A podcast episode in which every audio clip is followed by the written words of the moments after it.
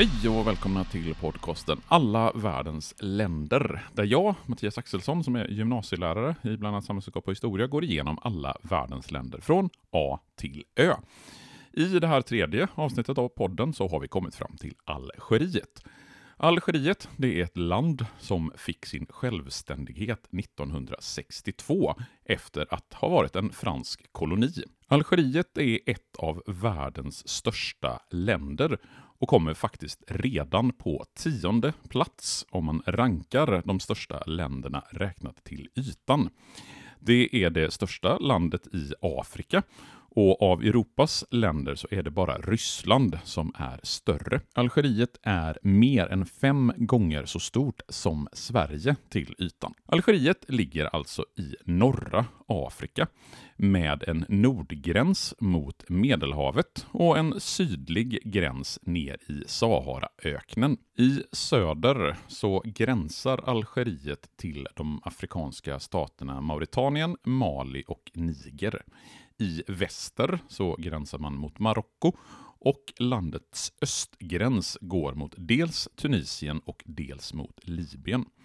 Eftersom Algeriet är ett så stort land, det är 200 mil från landets norra medelhavskust ner till de sydligaste delarna av Sahara, så skiljer sig klimatet åt avsevärt mellan de olika delarna.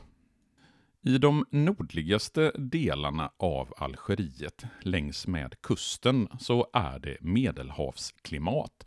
Det betyder att man har varma och torra somrar samt milda och fuktiga vintrar. Temperatur och nederbörd varierar dock väldigt mycket beroende på hur högt över havet man kommer i de här delarna av Algeriet. För från Marocko i väster så kommer en instickning av Atlasbergen och bildar en bergskedja i den norra delen av Algeriet. Merparten av befolkningen bor i de här nordligaste delarna av Algeriet. För det är här som de bördigaste markerna finns i dalgångarna mellan bergen.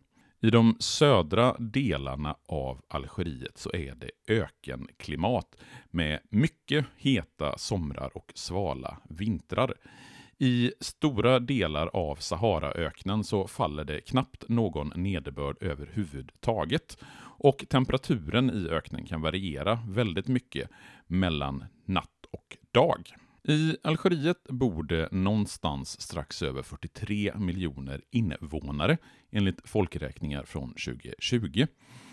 Merparten av befolkningen i Algeriet definierar sig som araber och sen finns det en stor minoritetsgrupp som utgör ungefär 20% av befolkningen som är berber.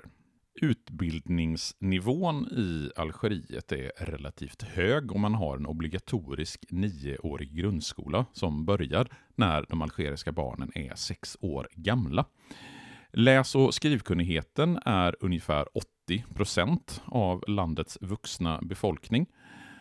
Och det officiella språket i Algeriet är arabiska. Klyftan mellan rika och fattiga i Algeriet är stor. Man räknar med att ungefär en fjärdedel av Algeriets invånare lever i fattigdom. Flest fattiga finns det dels bland jordlösa lantbrukare i norr samt i gränstrakterna kring Saharaöknen i söder. Sedan Algeriet blivit självständigt från Frankrike 1962 så tog grillarörelsen FLN makten och gjorde Algeriet till en enpartistat. I slutet av 1980-talet så var det en del revolter som gjorde att man genomförde ett par reformer politiskt i Algeriet. Man hade ett par lokala val i början på 90-talet där Islamiska räddningsfronten, FIS, gick starkt framåt. Och i den första rundan av de nationella parlamentsvalen 1991 så fick Islamiska räddningsfronten egen majoritet.